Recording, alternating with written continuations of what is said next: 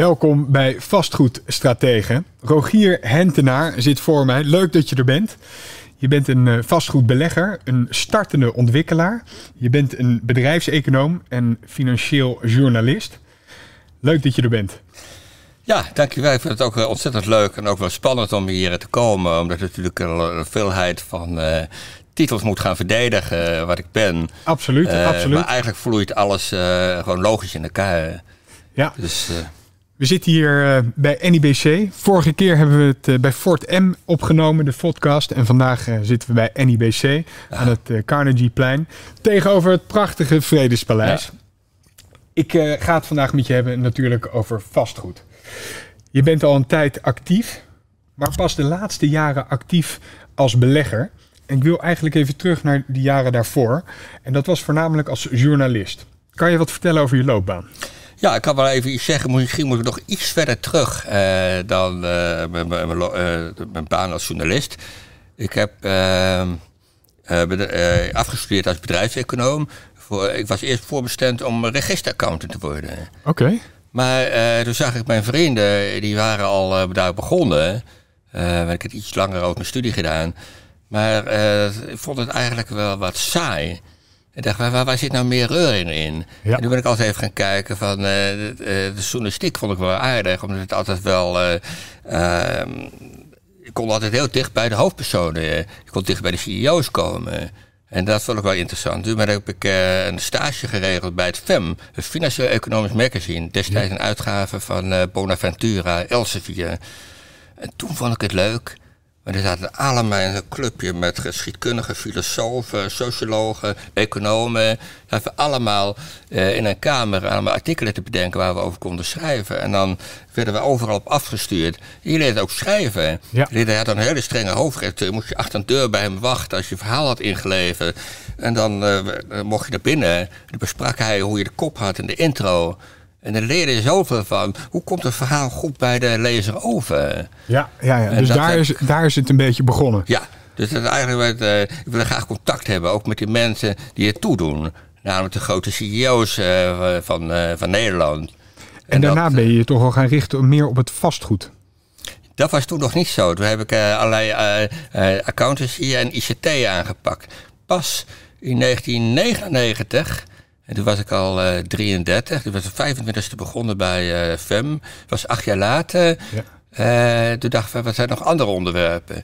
En toen zag ik een, een advertentie bij Vastgoedmarkt. Het echt een gezaghebbende blad op dat moment.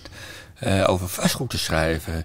Het, het, het saaie, al die dozen, stenen die, die zich niet verschuiven. Hoe saai wil het hebben? Maar, die advertentie... maar toch werd het een beetje ja, werd er iets getriggerd bij Want die advertentie was leuk opgeschreven. Was heel prikkelend en uitdagend. Het was toch een beetje het gevoel van we gaan weer een nieuwe fase in. Het internet moest nog komen. Ik dacht van ik ga toch solliciteren. En ik trof daar uh, twee mannen.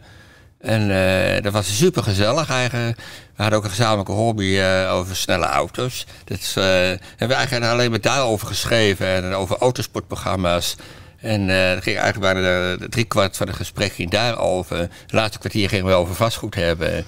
Maar de klik was er. Dat is vaak belangrijk. Ja, en dat was midden in het centrum van, uh, van uh, in Amsterdam, vlakbij het Zuiderparkbad. Ja. Zuiderbad. En dat ik, een mooie locatie. Bij het Museumplein is dat daar toch? Museumplein.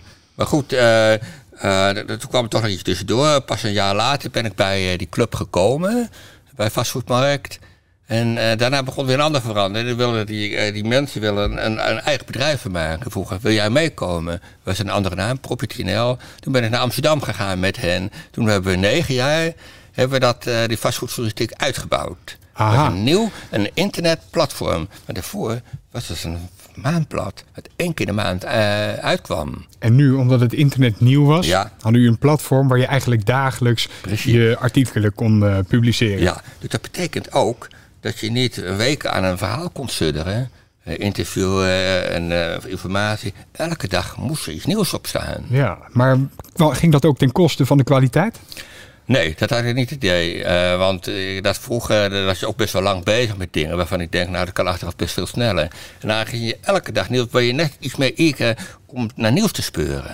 Ja, ja, ja. Maar waar, hoe ging je dat dan, hoe pakte je dat aan? Want je moest elke dag met een nieuw verhaal komen. Ja, klopt. wij, we, hadden ook heel veel zorg dat we heel veel persberichten binnenkregen. Ook heel veel bedrijven bellen.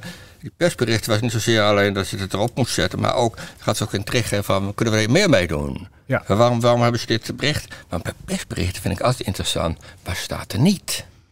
Ja, en, dat Is altijd, en dat is voor mij altijd een leidraad van... Uh, het is een interessant persbericht, een interessant verhaal... maar waarom is dit en dit niet uitgelegd? Ga je bellen. Als we kijken naar die tijd, wat voor tijd eh, was het dan? Was de markt eh, heel hoog? Uh, was het, was het juist, was de rente heel hoog? Hoe, hoe ging dat in die tijd? De rente was toen veel hoger dan nu. Het was toen ook vanaf 2000 tot 2008 wat eigenlijk uh, iedereen dacht, van, het kon nooit meer misgaan met vastgoed. Exact. En uh, alle vastgoedprijzen gingen omhoog. En er kwam ook de opmars van uh, heel veel vastgoedmaatschappen en vastgoed-CV's. Ja. Daar is inderdaad heel veel gedoe over geweest. Daar heb ik heel veel over geschreven. Um, die dachten, ja, allemaal erbij, tot het met een enorme luide klap alles naar beneden ging. Ja. Dat was 2008, de Lehman Brothers. De banken hadden allemaal problemen. De banken hadden ook heel veel uh, kredieten op vastgoed. Maar die hebben dat niet heel veilig gedaan. Die hebben dat best wel heel veel hoge loan-to-value gedaan. Dat was de voornaamste, dat was de voornaamste reden. Want ze dachten, het kan toch allemaal niet kapot gaan. Nee, het gaat toch weer omhoog. Dan komt de loan-to-value zak vanzelf in de tijd. Maar hebben ze dan in die tijd nooit geleerd van um, wat er zich daarvoor heeft afgespeeld? Uh, kijk, het kan allemaal zo gaan, de markt. Ja. Maar we weten toch dat we op een gegeven moment tegen een plafond aanlopen. En dat er uiteindelijk iets moet gebeuren als je zo'n hoge loan-to-value hebt. Ja. Dat het gaat klappen. Ja, maar dus, waarom het wel komt bij de banken is eigenlijk een optelsom van allerlei factoren. Er wordt uh, ook regelgeving waarin banken iets meer uh, kredieten moesten verstrekken. Op basis van de kapitaal, ze hoefden minder kapitaal aan te houden. Ja. ook het internet kwam op. Er kwamen ook veel meer jongere mensen bij de banken. er was echt het gevoel van, we gaan een nieuwe tijd tegemoet. Een bank heb ik ook idee van, die zaten te denken, hoe kunnen we het oude imago afschudden en hoe kunnen we meegaan? Hoe kunnen wij zorgen dat we bijvoorbeeld wat meer uh, kunnen doen met kredieten? Ja. Banken waren ook in opkomst als uh, emissiebankier, uh, private equity kwam op, zakenbankieren. Dus het is een optelsom van allerlei zaken geweest waardoor banken risicovoller zijn, opge zijn, risico zijn gaan opzoeken. Ja, ja, ja. en dan ineens valt, vallen de Lehman Brothers. Ja. En dan gaat het echt mis in die tijd. Dan gaat het gruwelijk mis. Ja, ja, ja. En dat was wel interessant, omdat daar ook wel eens banken en andere partijen hebben gevraagd. Ja, voor allemaal onrustbarende geluiden in Amerika. Kan dat hier ook gebeuren? Nee, nee, zeiden ze allemaal. Uh, ik heb ook banken hier gebeld van nee, dat is toch allemaal Amerika. Ze zijn veel onvoorzichtiger. Hier gaat het niet gebeuren. Voor een hoop vastgoedeigenaren, want uiteindelijk gebeurde het natuurlijk toch. Voor een hoop vastgoedeigenaren was het natuurlijk een ja, een hele vervelende tijd. Een hel, kan ik wel zeggen.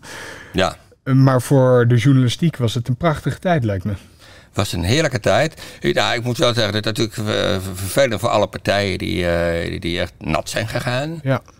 Uh, voor mij was het eigenlijk wel een, een welkome afwisseling. Want de jaren tot aan 2008 was een hele goede jaren voor, voor vastgoedpartijen. Iedereen kon scoren met vastgoed. Ja. Iedere onder met een bedrijfje, een beleg in vastgoed, kon makkelijk geld krijgen bij de bank en kon daarmee huurders binnenhalen. En, en daar was het dan. Dus je hoeft er niet zoveel verstand van te hebben. En is het dan zo dat je, want je bent pas eigenlijk sinds een aantal jaar ben je aan het beleggen in vastgoed. Ja. Ben je in die tijd nooit getriggerd van ik wil iets met vastgoed gaan doen naast het schrijven ervan? Wil ik misschien ook wel gaan beleggen erin? Als het toch allemaal niet opkomt? Ja, maar in, in, in, die jaren, die eerste jaren was ik vooral bezig met, uh, waren met een nieuw bedrijf begonnen. Het journalistiek moest worden uitgebouwd. En ik had net een, eh, een, een, jong gezin. Dus ik was toen nog niet zo bezig om van, zou toch wat meer risico's gaan opzoeken. Ja, exact, exact. En uh, dan vond ik het even voorzichtig. Ik heb wel altijd in mijn achterhoofd gehad, als een kans voordoet, doe ik dat. Uh, pas in die beginjaar 2000 had ik mijn eerste koophuis. Dus het was allemaal heel, het moest allemaal heel geleidelijk gaan. Exact. En wanneer was dan de. Wanneer hebben jullie de basis gelegd voor vastgoedjournaal? Nou, dat was uh, in eind 2009. Uh, dan werd ik samen met een nieuwe compagnon uh, gaan starten. Hij was een paar maanden al eerder bezig. En toen vroeg hij mij erbij via, via een kennis. Ik dacht van, vind jij het leuk om samen risicodragend te participeren? Dat vond ik eigenlijk wel spannend. Mijn kinderen waren een beetje ouder en mijn vrouw had een goede baan.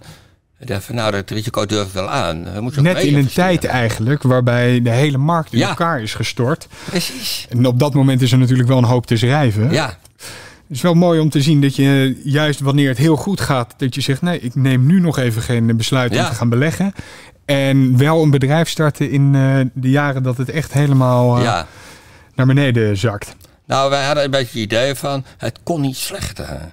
Ja. En een, uh, mijn compagnon was een commerciële jongen, die, die had wel eerder met het beltje gehakt. En die dacht van, nou, ja, we stappen in, we weten ook niet waar het gaat eindigen. We gaan het gewoon een paar jaar proberen. lukt het niet, dan hebben we allebei een mooie ervaring. En dan komen we heus wel weer, weer aan de bak. Maar als het goed gaat, dan staan we vooraan. En dat gebeurde. En dat gebeurde.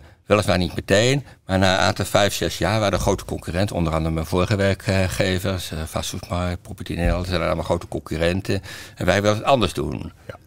Dus en, wij dachten, we gaan een volledig internet doen. Geen papieren blad uitbrengen. Scheelt ook in kosten en opmaak en wat iets meer zei. We gaan gewoon puur op internet. Dan moesten we eigenlijk alles weer opnieuw beginnen. Wat ik bij het vorige blad ook heb gedaan. Maar nu veel meer, uh, was meer spannende. Want je was ook mede-aandeelhouder. Ja, daarom. En dat vond ik wel spannend, omdat dan. Uh, nou ja, het, het, gezinsleven was wel wat, wat, makkelijker geworden. Maar het idee van nu moet je instappen. Juist omdat je al voor het eerst een onderneming samen met iemand doet, is het ook makkelijk van wat kunnen we daarna weer met vastgoed wat doen. Exact. dat volgde weer jaren later. Ja, dat volgde dat nog wel terwijl je aandeelhouder was of eigenaar van uh, Vastgoedjournaal? Ja, precies. Oké. En. Uh, uh, maar het lijkt me ook, kijk, je, je bent dan uh, aan het beleggen en je bent dan ook aan het schrijven over vastgoed. Uh, mensen kunnen dat ook anders interpreteren. Dat je misschien meer jouw kant op gaat schrijven, omdat je dat nodig hebt, omdat je een belegger bent. Ehm, nee, want ik heb het altijd een beetje gescheiden gehouden. Want veel mensen wisten nog niet dat ik aan het beleggen was. Ik heb de markt een beetje afzijdig gehouden. Dat heb ik pas bekendgemaakt toen ik wegging. Aha. ik het ook meer uh, um, voor mijn morele zuiverheid om het een beetje los te, te zien. Dat exact. meer mensen zien dat ik ook aan het beleggen ben. Dan, ja, dan zouden ze misschien kunnen denken, hij kan misschien beter meer op dat vlakke wat gaan doen. En misschien ook niet helemaal onafhankelijk. Ja. En hij heeft ook een bepaald belang bij dat de markt goed blijft gaan. Daarom, daarom. Hoe ziet je portefeuille eruit? Is het voornamelijk, uh, zijn het winkels, logistiek, woningen? Nou, ik heb, uh, op dit moment hebben we heb ik zeven vastgoedobjecten. Ja. Waarvan er zes in Amsterdam zijn. Kijk. En daarvan heb ik er vijf volledig verhuurd. Oké. En uh, eentje daarvan, daar woont uh, mijn zoon erin met meerdere studenten. En de andere zijn allemaal appartementen in wijken in Amsterdam. Uh, die volgens mij het gaan doen in de toekomst. Amsterdam is sowieso... Amsterdam natuurlijk. Ja. En Zuidoost. Ja. Ik ja, heb ook gekeken naar Rotterdam. Maar daar is het vastgoed nog veel goedkoper. Dus beter rendement te maken, zou je zeggen. Ja, maar daar moet je ook nog steeds naartoe gaan. En uh, ik heb best wel lui aangelegd. Ik had ook geen zin om overal naartoe te moeten rijden. En Amsterdam ken ik goed. Wist welke wijken goed waren. Ja. En van Rotterdam en Den Haag moesten ze maar afwachten. Natuurlijk heb je in de loop van de jaren wel een beetje geleerd wat de goede buurten zijn. Maar ik wilde juist Maar goed, je probeerde juist vastgoed te, uh, te kopen in opkomende buurten. Ja. Dat betekent, dat weet je van je eigen stad het beste. Ja. Maar van andere steden heb je het alleen maar van horen zeggen. Je kan wat makkelijker overzicht houden als het allemaal gecentreerd is. Precies. Dus heb je dat in Noord en, en Amsterdam Zuidoost. Oké. Okay. Zuidoost is echt opkomend. En um, dan moet je over goed kijken in welke buurt je van Zuidoost je doet. Ja. En ik had een hele goede verhuurmakelaar. Of zeg maar een, een, een jonge, twee jongens, jonge jongens die ook andere vastgoedbeleggers hielpen. En met hen heb ik eigenlijk tientallen woningen bezocht voordat we met deze eruit kwamen.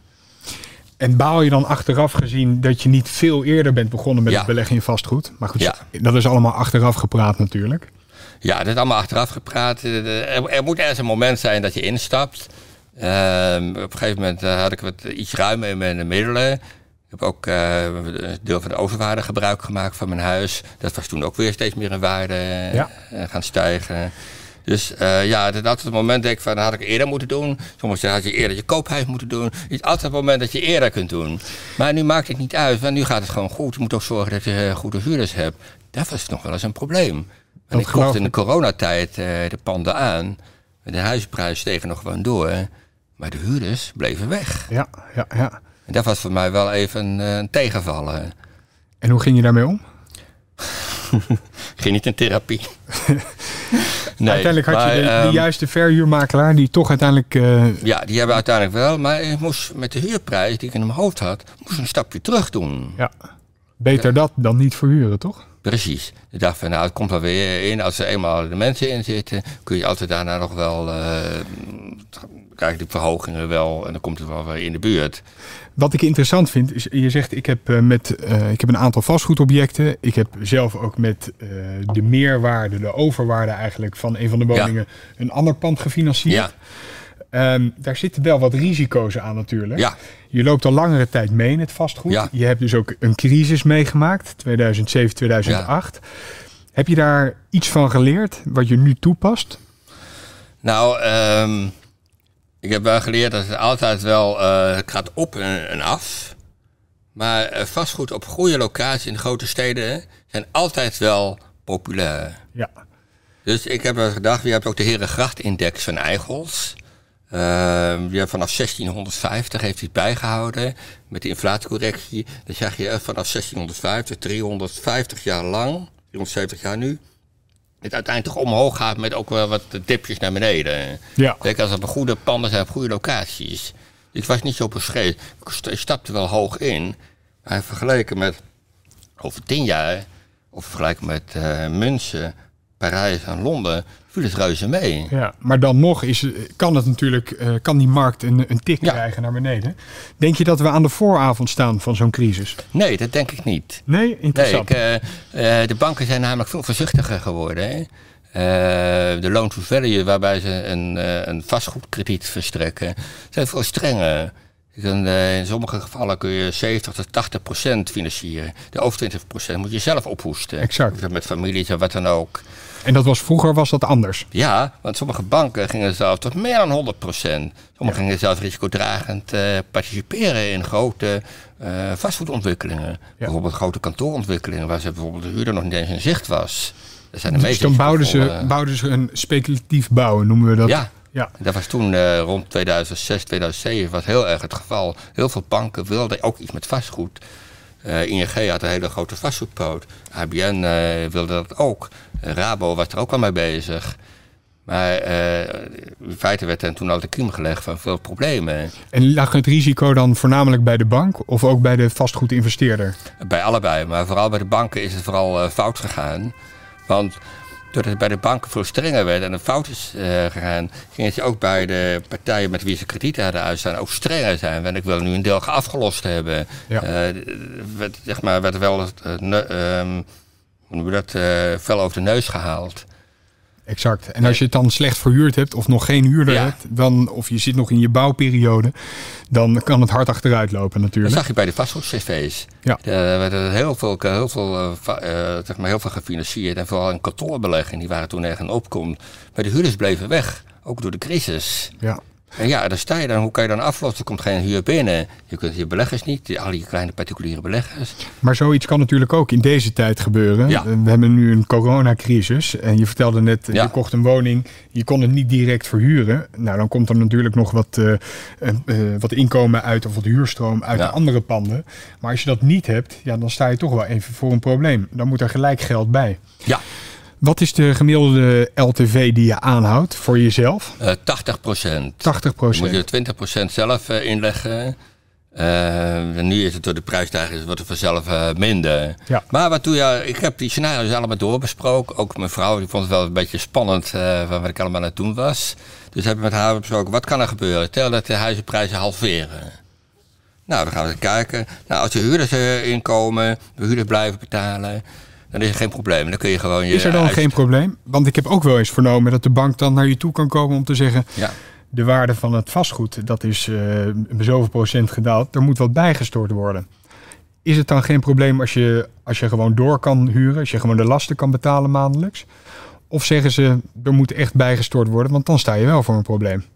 Ja, maar ik heb het met de verhuurmakelaars besproken, met de financiering die ik toen had, dat het probleem eigenlijk zich nauwelijks zal voordoen. Maar ik heb wel wat geld achter de hand, mocht het probleem zich voordoen. Maar die verhuurjongens, dat waren hele jonge jongens. Dus die kunnen nog eigenlijk niet meepraten over hoe het vroeger ging, toch? Ja, maar zij hadden wel een goede neus voor uh, allerlei projecten. En, uh, ze waren wel jong, maar ze waren al zes, zeven jaar bezig. Dus ze weten wel een beetje van de, hoek, van de hoek en de rand. Oké. Nou, ik ben daar eigenlijk vanuit mezelf gegaan. Hè. Ik heb gekeken van wat, wat zijn de risico's.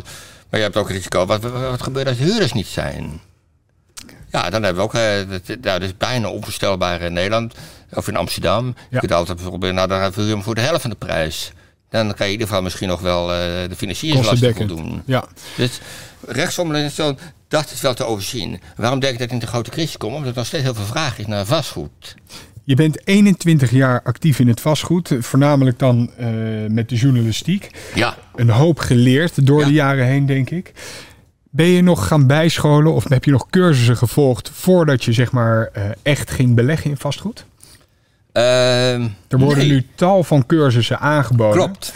Overal waar je kijkt op YouTube of uh, op, op social media, je krijgt het om de oren. Ja dit zou je moeten doen, dat zou je moeten doen. Een passief inkomen, 10.000 euro per maand Ja. binnen, drie, uh, binnen drie jaar geregeld. Um, heb je wel eens zo'n cursus gevolgd? Nou, ik heb het idee dat ik de wijsheid zelf in pacht had. Die 21 jaar heb je al voorbij, heel voorbij zien komen. Ik heb ook wel natuurlijk wel in het leerboek hoe ze het precies met berekeningen. Maar ik had een bedrijfseconomische achtergrond. Ik, ik kon al veel berekeningen maken. En uh, ik had het idee dat ik het wel een beetje wist. Ja. Ja, ja. En ik zag ook in het vastgoed heel veel mensen die nog veel minder wisten. En er nog veel meer uh, deden en veel meer risico's op, uh, opzochten dan ik. Ja, waar dus, heeft het dan mee te maken als je, als je werkt in het vastgoed? Heeft het met lef te maken? Of heeft het, is het een combinatie van het lef hebben en uh, toch wel wat achtergrondinformatie? Hoe maak je je berekeningen? Hoe ben je risicomijdend?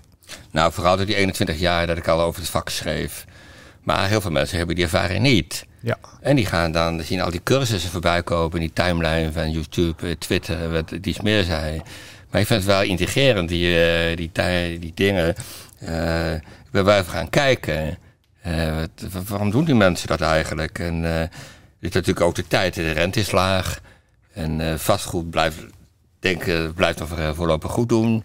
En toen kwamen al die jonge gastjes op die dachten van dan kun je een passief inkomen verwerven. Ja, er wordt ook geadverteerd natuurlijk dat je met uh, eigenlijk bijna geen geld uh, een vastgoedproject kan ja. kopen. Dus je kan hoog financieren bij de bank, nou zeg 80, 85 procent.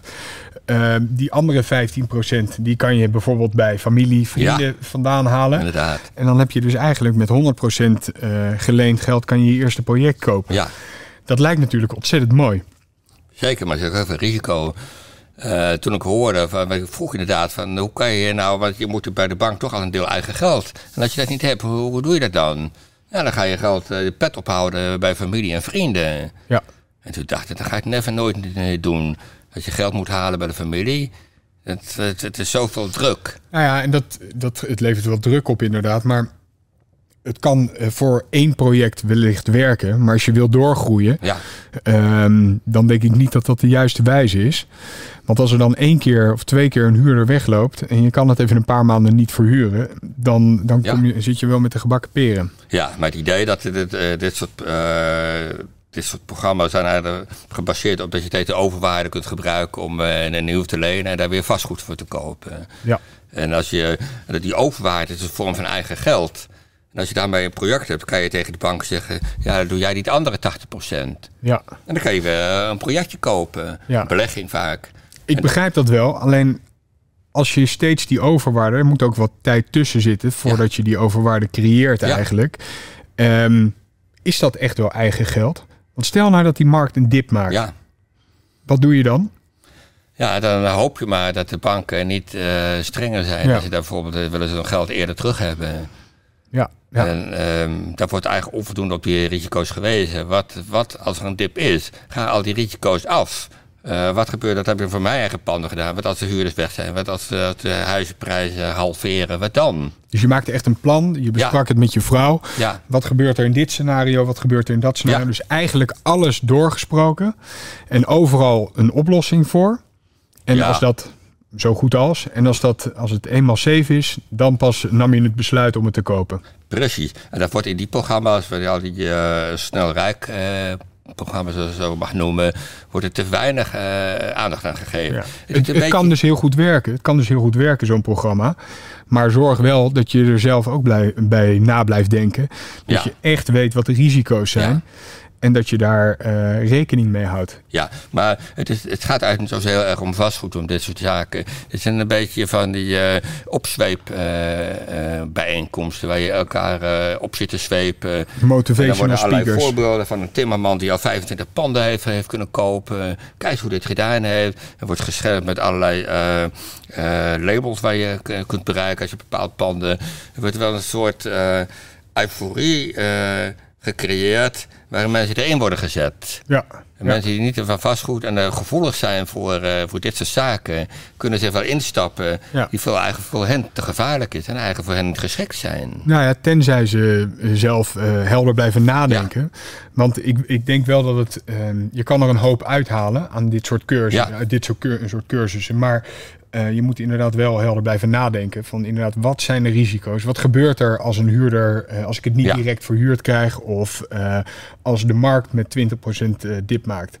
Want we leven momenteel in een tijd dat alles kan niet op, lijkt ja. het. ondanks dat we een coronacrisis hebben, voelen we daar voelen de vastgoedbeleggers ja. daar misschien niet direct heel veel van. Natuurlijk in het begin wel, of huurders wel of niet hun huur gingen betalen. Maar um, het blijft maar stijgen. Ja. Het blijft maar stijgen. En dat, is, um, ja, dat brengt toch ook wel wat risico's met zich ja. mee. Als je daar maar economen hebben uitgerekend van uh, het, het uh, economische statistische berichten. Die hebben uitgerekend dat het eigenlijk qua huizenprijzen wel meevalt. Als je alles meerekent. Met uh, de inflatie, de verwachte groei van het nationaal inkomen, zijn de huizenprijzen eigenlijk niet eens dat, zelfs dat er nog iets onder zat wat had mogen worden. Echt waar? Dus ja. het had nog... Dan moet je maar even terug, kun je terugzoeken op economische statistische berichten. Volgens mij van Koen Teulings. Uh, die had het uitgerekend. Aha. Ja, werd, wat, je moet, moet alles natuurlijk uh, even goed nadenken. Maar ESB vertrouw ik wel. Er zijn echt hele ja. serieuze jongens die dat uh, artikelen mogen publiceren. Ja. En die zeggen van het valt eigenlijk wel mee. Oké. Okay. Nou, dus het, ben ik benieuwd naar die cijfers. Ben ik benieuwd naar. Je hebt momenteel zeven objecten in ja. de verhuur. Um, koop je nu nog steeds, ben je nu nog steeds veel aan het kijken? Want we zitten natuurlijk echt wel in de top van de markt momenteel. Ben je nog steeds goed aan het rondkijken? Is er nog iets te koop? Er is nog wel uh, iets te koop, maar het wordt ook steeds moeilijker. Omdat uh, steeds meer grote gemeenten hebben opkoopbeschermingen doorgevoerd voor beleggers. Ja. En dat maakt het even moeilijker. Maar er zijn er genoeg uh, plekken waar je nog wel kan. Misschien buiten de gemeentes gaan kijken, buiten ja. de grote steden. Maar dan heb je natuurlijk wel het moeilijk om huurders te vinden. Maar ik denk, denk, dat, denk je dat die, te vinden. Denk je dat die opko uh, opkoopbescherming, denk je dat dat uh, daadwerkelijk wat gaat, wat gaat doen? Nou, laat ik zo zeggen. Ik ben eigenlijk wel heel blij met mijn opkoopbescherming. Want daardoor wordt het waarde van mijn huurpanden wordt het alleen maar nog hoger. We zijn nog gewilder.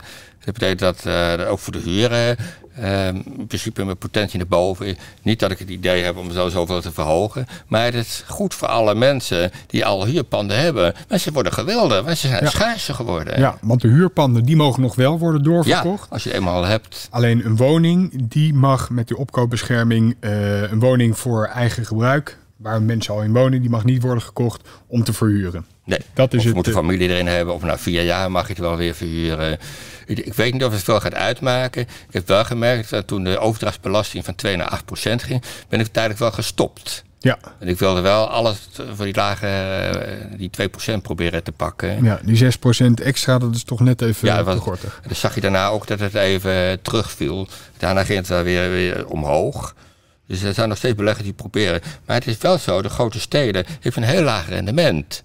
Ja. De huren gingen niet zo, zo veel hoger mee als de huizenprijzen. Maar dat komt misschien ook omdat er gewoon uh, momenteel erg weinig is om te kopen of om in te beleggen. Dan heb ik het niet alleen over vastgoed. Uh, maar er zijn weinig andere manieren om je geld, uh, om een leuk ja. rendement te, te, krijgen. Je kan ja, natuurlijk je gaan een crypto stappen, waar ik helemaal risicovol vind. Zit je daarin? Nou, ik krijg wel berichtjes van mensen die uh, ingewikkelde constructies hebben om huren instromen in crypto's te beleggen.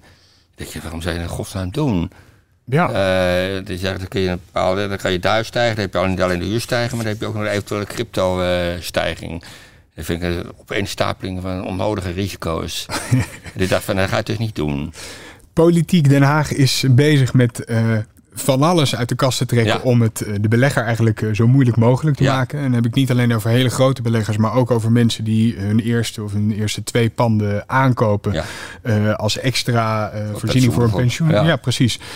Um, ze proberen van alles. We hebben inderdaad de, de overdrachtsbelasting naar 8%. Uh, er is een opkoopbescherming, um, huurdersheffing.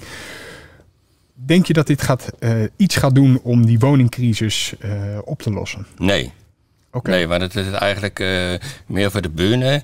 Het is een maatregel om een belegger dwars te zitten. Maar die belegger, ja, in de grote steden kopen ze wel relatief wat meer aan. Maar grosso modo hebben ze 8% van alle uh, woningen in Nederland in bezit. Het is een heel klein uh, aantal. Ehm, het grote probleem zit bij ehm, die wonenmarkt. is natuurlijk nog steeds aanhoudend lage rente. Ja, ja, ja. En, maar ook met alle voordelen voor starters. Maar eh, dat we die eh, startersleningen. Eh, Geen overdrachtsbelasting. De overdrachtsbelasting. Maar het, die komen namelijk niet bij de starters terecht, die voordelen, maar die komen bij de verkopers terecht. Want voor verkopers kunnen hun prijzen omhoog gaan, omdat ze weten dat starters meer geld te besteden hebben. En dat zorgt ook voor. Uh, zorgt ook weer voor die upswing. Eigenlijk zorgt eigenlijk, denk ik wel, eens een hoge overdrachtsbelasting. Dus niet alleen voor de belegger, maar voor iedereen. Ja. Want dat zal wel een prikkel zijn om de huisprijzen wat minder snel te doen stijgen. Natuurlijk is het ook een tekort aan woningen, maar het tekort is eigenlijk uh, virtueel. Want steeds meer mensen uh, willen een huis waar ze met steeds minder mensen willen zitten. Ja.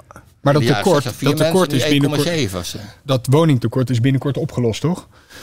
Dus we moeten in tien jaar een miljoen woningen gaan bouwen. Ja. Nou, dat gaat ze zeggen dat, Ze zeggen dat ze het gaan redden. Ze gaan het niet redden. Je ziet al zelf al hoe problematisch het bouwen al gaat. Ook met uh, ideeën van die stikstofproblematiek.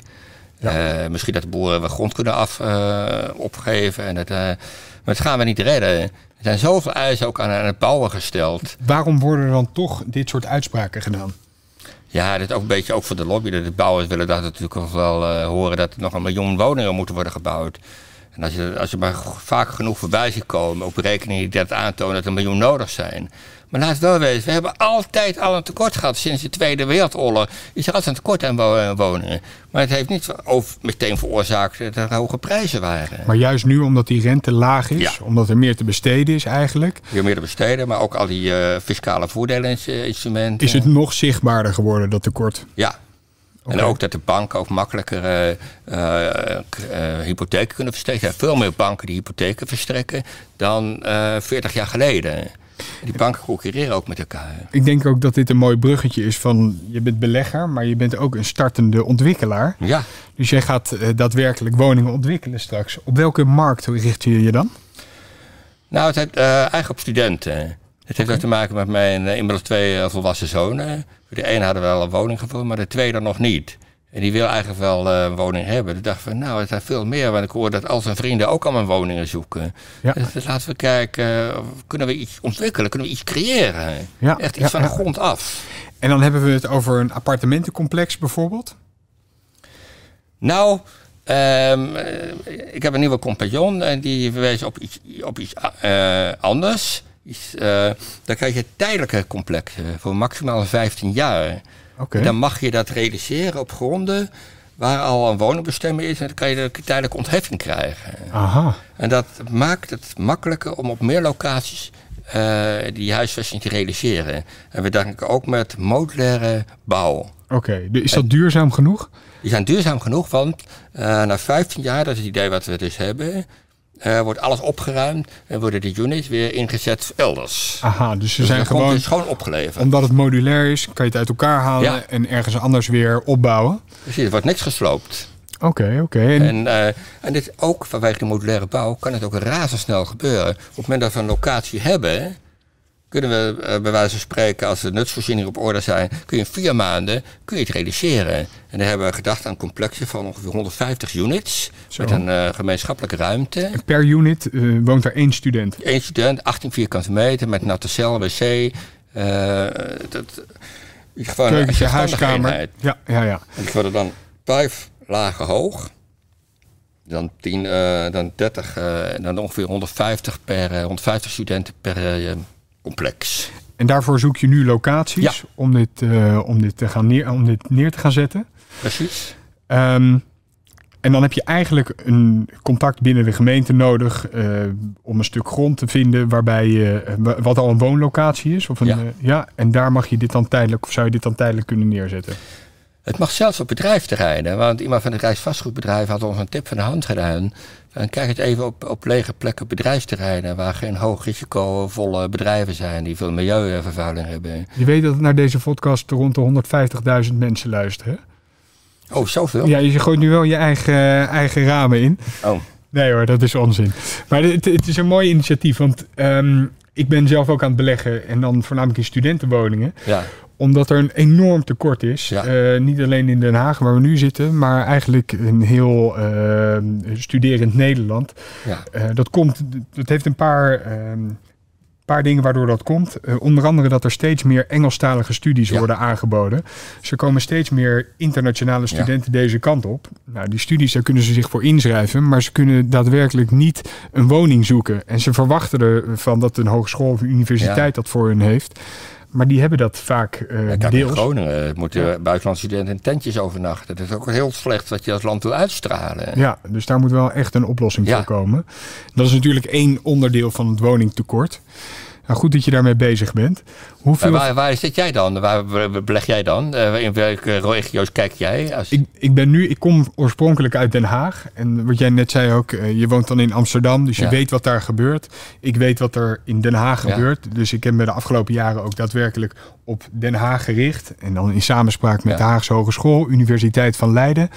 Ehm zij weten hoe we woningen opknappen, hoe we omgaan met de studenten. En we proberen eigenlijk een soort van hotelervaring te geven aan de studenten. Dus Ja. ze komen vanuit het eh, buitenland komen ze naar Nederland toe. Ja. Eh, we kunnen ze desnoods nog ophalen van het vliegveld of van het treinstation. En we maken ze wegwijs in waar ze, ehm, Ja. waar, ze, waar ze gaan verblijven. Ze maken kennis met de mensen waarmee ze gaan wonen. Eh, daar proberen we wat voor te organiseren. Eh, we kunnen eventueel een, eh, een fiets voor ze regelen via Swapfiets. Eh, maar ook via ons kunnen ze naar de tandarts of naar de huisarts. We proberen echt een totaalconcept neer te zetten. Omdat ehm, je moet je voorstellen dat deze studenten zijn soms eh, 17 tot eh, 22 jaar. Ja. Voor die ouders is het ook best wel spannend als Ja. hun kind in, een- naar een land toe gaat waar die ouders nog nooit zelf zijn geweest. eh, dat ze toch wel goed worden begeleid. Ja. Ehm, en wat wij terugkregen is dat daar best wel eh, in het verleden ja, niet helemaal op de juiste wijze is omgegaan met studenten als huurders. Ze dachten, nou, dat zijn studenten, dat komt wel goed. Eh, Ja. Als er een keer iets kapot is of de verwarming doet het niet, ehm, daar hoef ik me niet zo druk om te maken. Maar ik denk dat het juist goed is om die, groep, om die doelgroep ook ehm, goede huisvesting te geven. Ja. Dat is een prachtig plan. Een beetje zoals de student, de expert student als hotelgast. Exact, ja. ja. Dus we verzorgen dan van eh, bedden, eh, beddengoed, kasten, zelfs de handdoekjes, toiletpapier, Ja. alles is aanwezig als, ze- als ze aankomen. Hoeveel van dit soort complexen zou jij zelf willen gaan bouwen? Nou, in ieder geval hebben we de grote steden in gedachten. Wij hebben net een, precies een omgekeerd concept. eh willen ook studenten, maar zo basic mogelijk. En zo laag mogelijk studenten. En dan richten we vooral op studenten, die, Nederlandse studenten, die al een beetje weten hoe, eh, hoe het gaat. Ja, oh, dus wel voornamelijk de Nederlandse studenten. Nederlandse studenten, maar ook buitenland die wel wat verder zijn, die het al een beetje weten hoe het in Nederland gaat. Bieden wij, willen wij zo, zo, basic mogelijke huisvesting. Je krijgt een goede kamer, van een modulair, het is geen containerwoning. Gewoon goede materialen, het ziet er netjes uit. Maar ze moeten wel zelf hun eigen weg vinden. Zelf hun eigen keuken in- in- inrichten. Natuurlijk zijn er ook meerdere studenten die eh, aan elkaar kunnen vragen. Ja. Dankzij die ontmoetingsruimte, als er problemen zijn. We denken ook aan constructies met swapfietsen. Ja, eh, ja, wasmachines in de, in, de, in de complex zitten. Dus daar zijn wel wat dingen die een beetje richting die hospitality eh, concept gaan. Ja, ja, ja. Maar ons idee, onze insteek is gewoon zo basic mogelijk. Kunnen we de huurprijs zo laag mogelijk houden. En zoveel mogelijk studenten kunnen we dan in kwijt. Ja, precies. Zoveel mogelijk studenten huisvesten op eh, centrale plekken vlakbij de scholen. Want Ja. is, eh, dus met de fiets kunnen ze daar naartoe. Ja, of over een OV-plek. Ja. eh, wat dichtbij. Wat, ja, wat het systeem waarvan jij wil, graag wil doen. Het, het zou fantastisch zijn. Want In Groningen gaan, eh, worden studenten uitgenodigd terwijl ze nog helemaal geen huisvesting hebben. Exact. De universiteiten kunnen daar een soort vergoeding van de, van de overheid krijgen als ze die studenten hebben. Maar de aftersales doen ze niet aan. Ja, dat is echt eh, wel Het is belangrijk. ontzettend slecht voor die studenten in de regen te laten staan. Denk je dat je daarna ooit in Nederland zullen blijven? Ja. Dat vraag ik me wel eens af. Ja, je zet jezelf als Nederland niet echt Ja. goed op de kaart natuurlijk. Ik heb al Ik meerdere malen... concept van jou, denk ik van nou, Nederland weet hoe, hoe ze dat moeten doen. Ja, ik heb al meerdere malen meegemaakt ook dat studenten naar Nederland kwamen, naar Den Haag. En dat er gewoon, eh, dan moesten ze in een hotel slapen of een Airbnb-locatie. eh, omdat er gewoon geen, eh, geen huisvesting voor hun geregeld kon worden. dat is toch- En uiteindelijk moesten ze hun studie voortijdig afbreken, omdat, ehm, omdat, ze, omdat het allemaal te duur dat is werd. toch super slecht. Ja. Geen enkel bedrijf dat gewoon eh, volwassen experts uitnodigen. Gaat toch gewoon mensen uitnodigen als er geen huisvesting is. Ja. Maar bij Ja. studenten kan dat zomaar. Je kunt je mensen niet aan hun lot overlaten. Als ik het zo hoor, dan uh, je, je, wil juist dat het heel basic is en uh, dat je zoveel mogelijk studenten kan huisvesten. Dan lijkt je me een hele nette verhuurder. Klopt dat? Probeer net een verhuurder te zijn. Ik heb ook allemaal huurders, heb ik een uh, zo'n speculaastaart uh, rond Sinterklaas gestuurd. Oh, wat goed. Wat gewoon goed. om een soort aardigheidje. Ja, ja, ja. En, en, hoe zijn de reacties daarop? Nou, ik vind het heel leuk, omdat ze het niet verwachten. Ik probeer gewoon een goede verhuurder te zijn. Als er problemen zijn, snel op te lossen. En ook niet, uh, als één huurder ging weg, niet zo eindeloos taal, maar om de borg terug te storten. Gewoon snel handelen. Ja. En ik denk wel dat voor mond-op-mond reclame is gunstig. En dan krijg je ook veel makkelijker nieuwe huurder. Ja, je kunt bij Rogier komen met een hele nette verhuurder. Althans, dat probeer ik te zijn. Ja, ik weet ja, niet ja. dat ze zelf is, maar tot nu toe moet ik zeggen, na, uh, bij, na ruim een jaar de laatste, vind ik het toch wel, net, vind ik wel vrij goed gaan. Wat zou je nog binnen het vastgoed willen bereiken? Nou, dat laat in ieder geval uh, het ontwikkelen van uh, studentenhuizen. Het is wel weer echt een hele andere tak van sport, hè, ja. het ontwikkelen. Ik heb wel eens kijken naar, naar, beleggen in vakantiehuizen. Daar zit ook wel enorm op me. Maar daar ben ik wel een beetje huiverig. Omdat als het te veel ontwikkelt. Uh, en mensen op een gegeven moment toch steeds meer uh, misschien naar het buitenland gaan. Dat die veel meer huisjes leeg komen te staan. Dus daar ben ik wat, wat huiverig. Okay. Dus nu is die trend door de corona dat iedereen in eigen land gaat. Die huisjesmarkt van de parken wordt ook steeds luxe. Ja, ja, ja. Um, daar heb ik wel een beetje bedenken bij of het goed blijft gaan. Er is zo'n programma op televisie, volgens mij op SBS 6, waar we ook die enorm luxe huisjes zien van een uh, vastgoedman. Ik ben even zijn naam kwijt. Hij staat volgens mij in de quote 500 ook. Weet je wie ik het, over wie ik het heb? Ja, Klaas Hummel. Nee, niet Klaas Hummel. Um, ja, dat ook een vakantiepark. Uh, ja, die andere jongen. Nou, Peter Gillis. Ja, dat is hem. Dat is hem. Het zijn niet hele luxe huisjes daar op zijn vakantiepark volgens mij. Ik heb er een keer wat van Ik heb er één keer gezien, die man. Uh, maar verder, ja, ik weet niet of die huisjes ben. Okay. Maar zijn luxe huisjes. Ze zeggen dat het luxe huisjes zijn, maar volgens mij valt het uh, redelijk tegen. Uh, ja. Ja, ja, ja. Het is net nog net een bril op de wc bij wijze van spreken. Bijvoorbeeld, ja, ja, ja. Um, maar het ontwikkelen is, is absoluut een andere tak van sport dan het beleggen zelf. Ja. Je doet het met een compagnon. Die heeft al wat meer ervaring ja, met uh, die heeft uh, 20 jaar ervaring erin. Met hem durf ik ook uh, het traject in te gaan. Ja. En nou ja, dan is het natuurlijk wachten uh, op de, als we de locatie hebben, dat we dan, uh, dan kunnen we de hele boel uitrollen. We hebben al wat Ja. gesprekken met financiers, we hebben gesprekken met modulaire bouwers. Want hoe ziet zo'n financiering eruit voor, voor zulke projecten? Omdat Ja, dat is als, in het. als we het hebben over 150 uh, units, laat ik het maar even zo noemen, Ja. dan komt daar echt wel een kostenplaatje bij kijken. Precies, ja, dat is ook zo. En de traditionele bankiers, vastgoedbankiers, kunnen hier niet zo heel goed mee omgaan, hebben we geconstateerd. Want er, je kunt geen hypotheekrecht vestigen. Ja. En uh, dat is eigenlijk een beetje een vorm van cashflow financiering. Dus je komt bij de private, en private equity partijen terecht. Ja, ook gewone banken hebben ook mogelijkheden. En wij hebben zo'n uh, verdienmodel hebben we helemaal uitgesplitst. Dat, je, dat banken binnen 10 jaar uh, hun geld terug kunnen krijgen. En daarna rolt het verder uit. Ja. Dus er kunnen 15 jaar, dus binnen 10 jaar kan iedereen betaald worden. Het loopt nog vijf, vijf jaar verder. Het is best wel een redelijk verdienmodel. ook voor de, voor de initiatiefnemers, voor ons. Exact. Dan kun je ook alle studenten uh, bezighuisvesting uh, aanbieden voor een betaalbare prijs.